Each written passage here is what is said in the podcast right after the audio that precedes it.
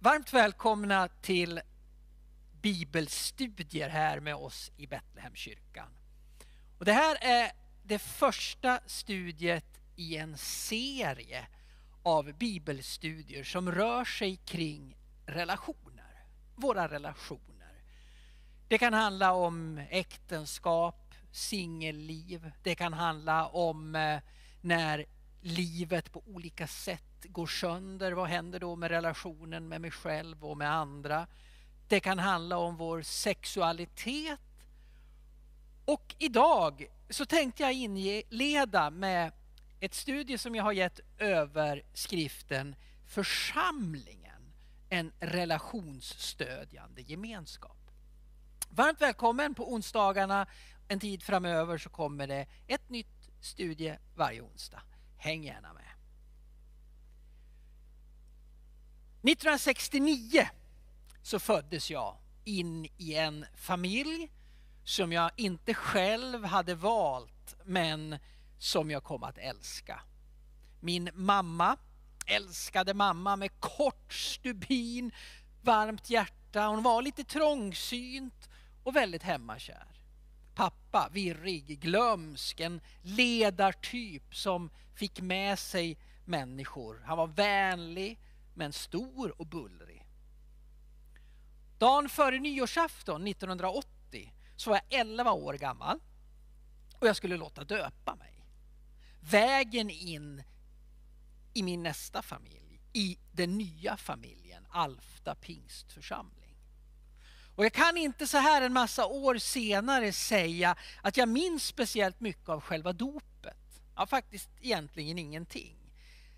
Varför det är så vet jag inte, men det mesta kring det där dopet är blankt. Men jag minns stunden innan. När jag och min bästa kompis Jocke stod med pastorn i lilla salen, omklädda i våra dopkläder och väntade på att gå in i kyrksalen till dopet. Jag minns pirret som jag hade i magen. Och det hände nog inget speciellt märkvärdigt vid vårt dop. Vårt dop var nog bara ett dop som vilket som helst. Om man nu kan säga ett dop vilket som helst om ett dop. Man kan nog inte det för alla dop är i sin unikhet något speciellt. För när man döps så blir man döpt in i Jesu död enligt Paulus. Han skriver i Romarbrevet 6 Vet ni då inte att alla vi som har döpts in i Kristus Jesus också har blivit döpta in i hans död? Genom dopet har vi alltså dött och blivit begravda med honom för att också vi ska leva i ett nytt liv. Så som Kristus uppväcktes från de döda genom Faderns härlighet. Ty har vi blivit ett med honom genom att dö som han, ska vi också bli förenade med honom genom att uppstå som han. Vi döps in i Kristus Jesus. Och sen lever vi i ett nytt liv, säger Paulus. Dopet är starten på detta nya. Dopet är inte bara ett dop i mängden, för i dopet så handlar Gud. Det är Guds kraft som drar oss in i Kristus. Och det är bara Gud, det är bara Gud som kan förvandla våra liv. Det är bara Gud, det är bara Gud som har makt nog att förena oss med Gud. Och därför handlar dopet i en bemärkelse inte om oss. Hur bra och fromma vi är eller ens hur dåliga och syndiga vi är. Utan dopet handlar om vem Gud är och vad Gud har gjort för oss. Vi får ta emot i dopet. Gud är huvudpersonen i dopet. I troende döpartraditionen där jag är uppvuxen så har ju ofta dopet devalverats till att bli ett slags bekännelsedop. Och visst bekänner jag min tro i dopet. Men det kan jag göra på många sätt. Jag kan sätta in en annons i tidningen, jag kan bekänna på genom att sända en tv-reklam eller sätta en skylt i pannan. För den stora poängen med dopet är inte bekännelsen. Utan att vi som människor identifieras med Jesu död och uppståndelse. Vill bli ett med Gud. Och det är bara någonting som Gud själv kan åstadkomma. Du och jag blir delaktiga av den gudomliga verkligheten, sa Paulus. Det är det viktiga. Inte om jag minns det, inte om jag känner det, inte om jag är medveten om det, utan att jag tror på det. Om jag sen inte minns speciellt mycket från mitt eget dop, jag var ju bara ett barn, 11 år gammal, så spelar det mindre roll. Och jag önskar visserligen om jag fick göra om, att jag skulle ha väntat några år med att döpa mig. Och jag brukar alltid rekommendera de som frågar mig som är yngre att vänta tills du har liksom konfirmerat dig, hunnit bli 15 år, lite mer medveten. Men samtidigt så var det ju Gud själv som verkade i mitt dop. Oavsett om jag var medveten eller inte. För det som har skett i dopet, det kan ingen någonsin ta ifrån mig.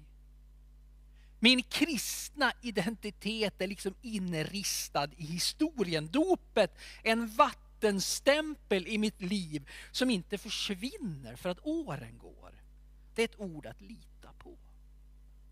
Ett löfte från den allsmäktige guden till den enskilda individen som tror. Och även om du inte minns, eller förstod, eller kanske till och med kände dig pressad att låta döpa dig, så gjorde Gud någonting.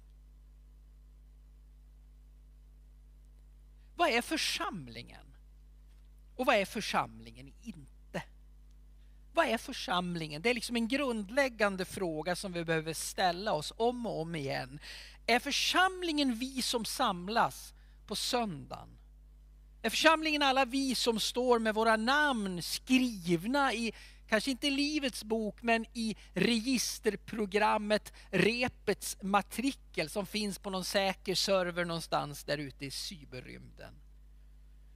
Är församlingen vi som är med i den ideella föreningen Betlehemkyrkan och får rösta på församlingsmötet? Eller är församlingen någonting annat?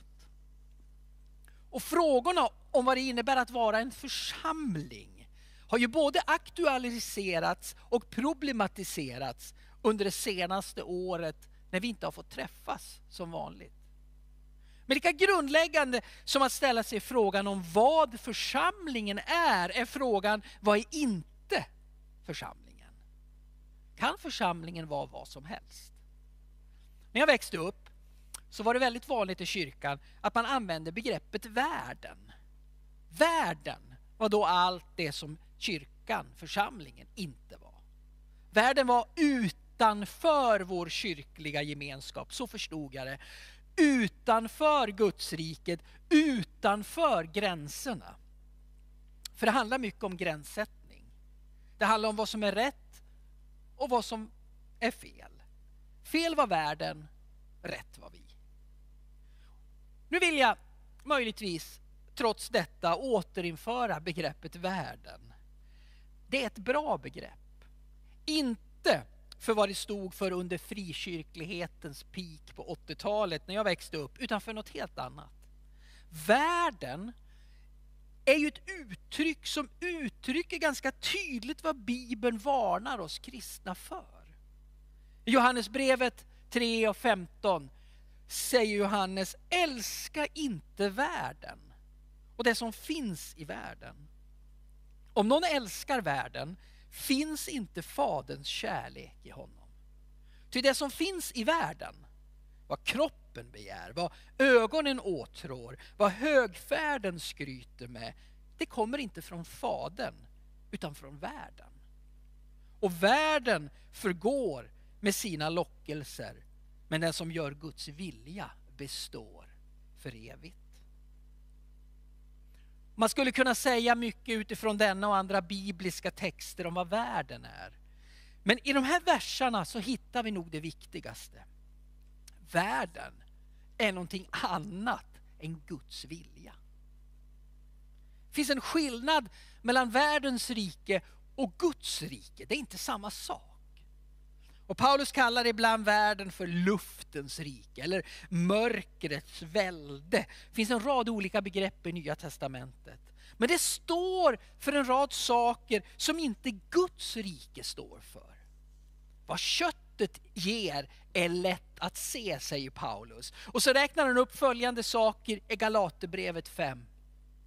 Otukt, orenhet, liderlighet, avguderi, trolldom, fiendskap, strider, ofördragsamhet, vrede, intriger, splittringar, kätterier, maktkamp, dryckenskap, utsvävningar och annat av samma slag.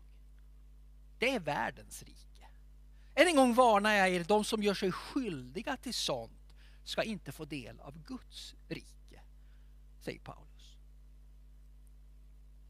Vad anden ger är lätt att se, ja så är det.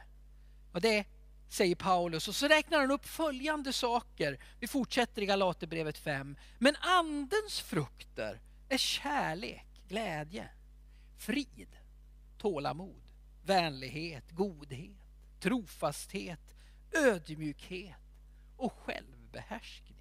Här får vi den kvalitativa skillnaden mellan världens och Guds rike. Och så fortsätter Paulus, de som tillhör Kristus, Jesus, har korsfäst sitt kött med alla dess lidelser och begär.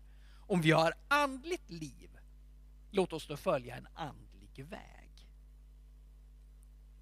Alltså, någonting har församlingen som uppdrag. Någonting annat. En sak som man ganska ofta hör samfund, lokala församlingar, människor, ja mig själv tala om, det är att vi ska vara en kyrka öppen för alla.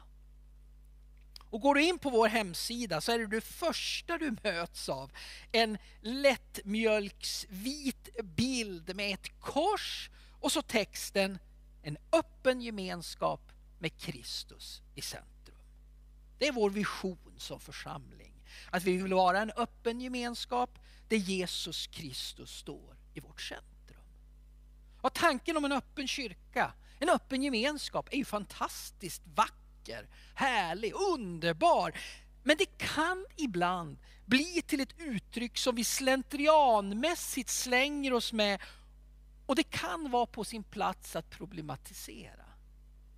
För är kyrkan verkligen öppen för alla? Ska kyrkan verkligen vara öppen för alla? Är inte kyrkan någonting annat än alla? Och här kan man naturligtvis lägga väldigt många betydelser i begreppet en kyrka öppen för alla. Och jag återkommer till det om en stund. För vi vill nog inte en enda av oss, tror jag, ha en kyrka som är utestängande, som inte räknar med barnen, och tar dem på allvar, som inte låter alla vara med oavsett var man befinner sig i livet och hur man kämpar med sin tro och så vidare. Men en kyrka öppen för alla. Tror vi att Paulus skulle ställa upp på ett sådant begrepp? Jag vet inte om du någonsin har reflekterat över Paulus, denne underlige man.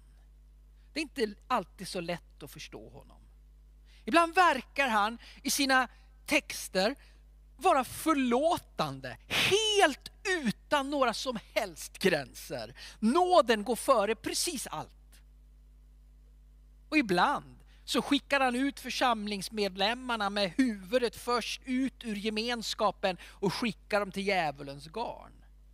Och jag har försökt läsa de här texterna och jag har funderat på vad är det som får Paulus att ibland bli så hård? Så långt ifrån en kyrka för alla man kan komma. Och det här är vad jag har upptäckt. Jag kan ha fel, men jag har tänkt Paulus blir så där hård när han upplever hur några förstör och bryter ner gemenskapen. De saboterar församlingens system för att göra det goda. De låter köttets frukter av otukt, strider, maktkamp, intriger och splittring yttringar var ledande snarare än andens av kärlek, frid, vänlighet, trofasthet och ödmjukhet. En kyrka öppen för alla. Ja, absolut. För alla människor som vill leva enligt Andens vilja. Men en kyrka öppen för allt. Vill vi verkligen ha en sån kyrka? Och nu kan du om du vill ta en liten stund och pausa Youtube. Kanske tittar du tillsammans med någon och så kan du ta en stund för ett litet samtal. Kanske tittar du på det här själv och då kan du fundera någon minut över frågan som vi nu lägger upp på bilden och skärmen och så kan du hämta mer kaffe innan vi fortsätter. För fundera en liten stund bara på skillnaden mellan att vara en kyrka öppen för alla och en kyrka öppen för allt. Är det någon skillnad? Och är det det så kan du argumentera för varför och är det inte det så kan du argumentera för varför det inte är så.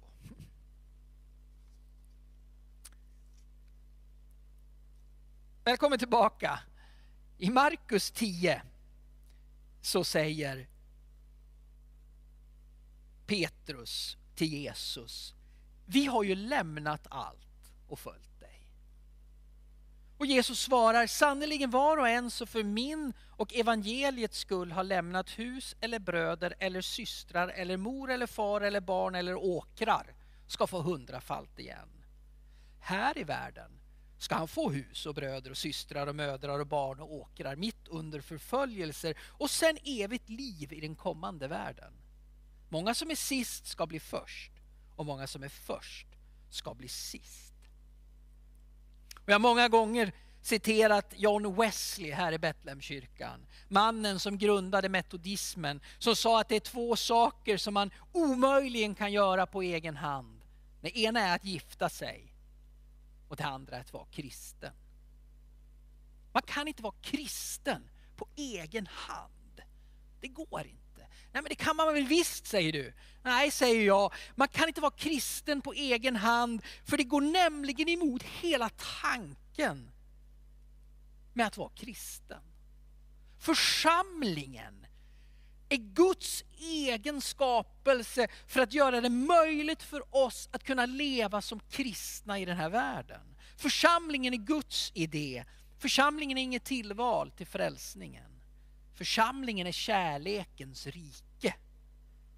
Och det är så andens frukter främst manifesterar sig. Församlingen är Guds nya familj. Och Jesus säger här att en del, de måste lämna hus, eller bröder, eller systrar, eller mor, eller far, eller barn, eller åkrar för att göra det jag och min bästa vän Joakim gjorde när vi lät döpa oss, gå med i en församling. Ja, för en del så innebär det att man måste lämna så oerhört mycket. Men så lovar Jesus alla de som måste lämna att det ska löna sig redan i den här världen. Här i världen, säger Jesus, ska han få hus och bröder och systrar och mödrar och barn och åkrar mitt under förföljelser och sen evigt liv i den kommande världen. Tron på Jesus måste gå före allt annat. Och innebär det att jag måste offra något så leder detta offer till en välsignelse redan i den här tiden. Ja, så säger Jesus. Och det här är så vitt jag förstår och känner till det enda löftet om välgång redan i den här tiden som Jesus utfärdar. Och jag tror att vi alla känner dem. Människor vars familj har tagit avstånd ifrån dem för att de har valt att gå med i en församling. Och det är inte så jättevanligt här i Sverige, men för väldigt många av våra invandrande vänner.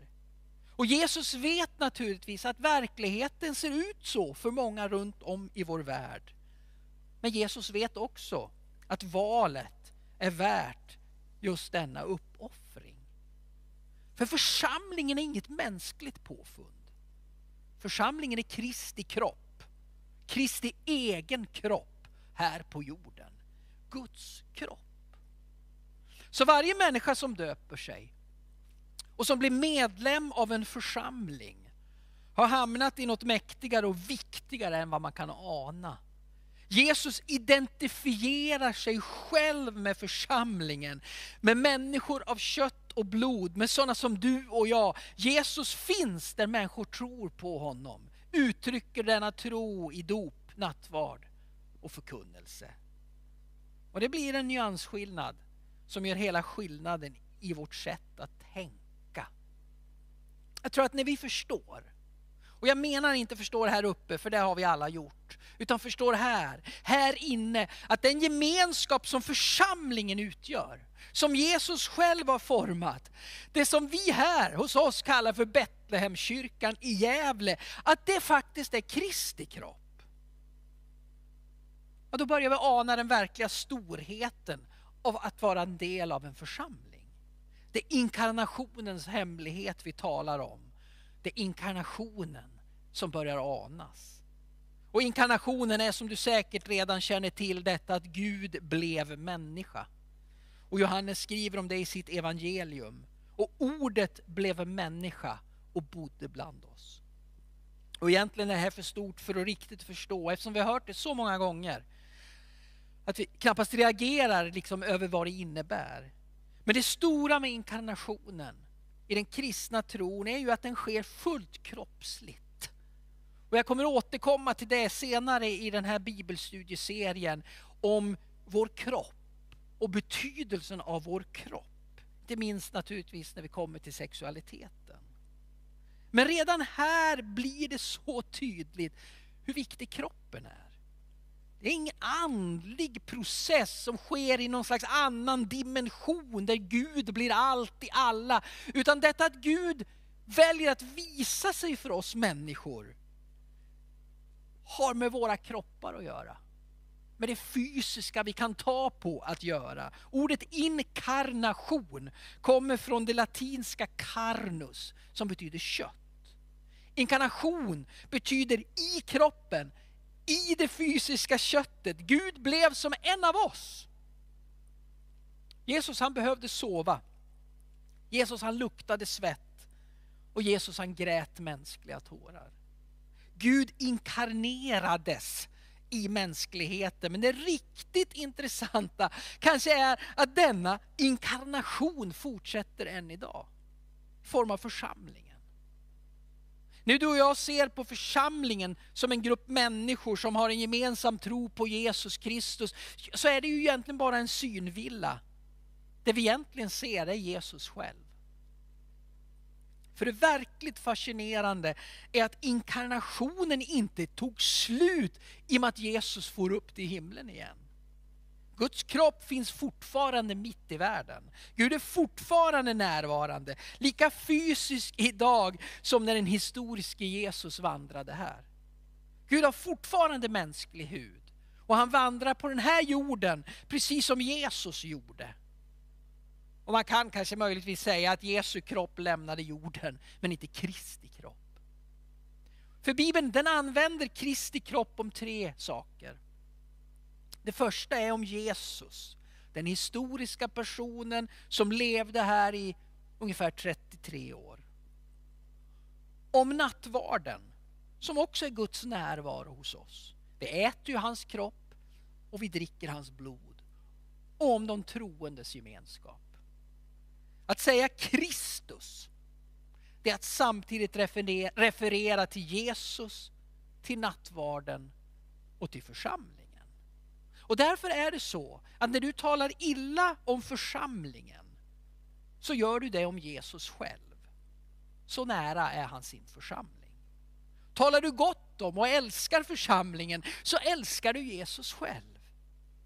Och därför kan du veta att Jesus gråter större tårar över du, äh, än du över den död, över den torka som kan finnas i en församling. Betlehemskyrkan i Gävle är Kristi kropp. Det är ingen överdrift. Det är ingen metafor. Det är ingen bild. Att säga att de troende är Kristi kropp är, att, är inte att säga någonting som Bibeln aldrig säger. Bibeln säger aldrig att att de troende ersätter eller representerar Kristi kropp. Utan Bibeln säger helt enkelt att vi är Kristi kropp. Och lyssna bara på Paulus som lärde sig läxan där på Damaskusvägen i första Korinthierbrevet 12 säger han, ni utgör Kristi kropp och är var för sig delar av den. Inkarnationen den tar inte slut efter det att Jesu 30 någonting år på den här jorden var över. Nej, Guds tanke var större än så. Inkarnationen fortsätter genom kyrkan. Guds närvaro blev till kött och skinn och händer och armar och kramar till oss. Men församlingen den är ju, ja invändningarna är legio. För lika lite som det finns en enda perfekt människa eller en enda perfekt familj så finns det någon perfekt församling. Den består ju av oss människor. Alla församlingar gör fel, misslyckas, behandlar människor illa, är ovisa. Men det betyder inte att församlingen är mindre viktig eller någonting man klarar sig utan. För församlingen är inget påfund som människor kommit på. Församlingen är ingen förening som en grupp likatänkande Jesuvänner startat. Församlingen är ingen intresseförening eller trevlig liten klubb. Lyssna nu, för det är nämligen så att i grekiskan finns det två ord för att beskriva människan som helhet.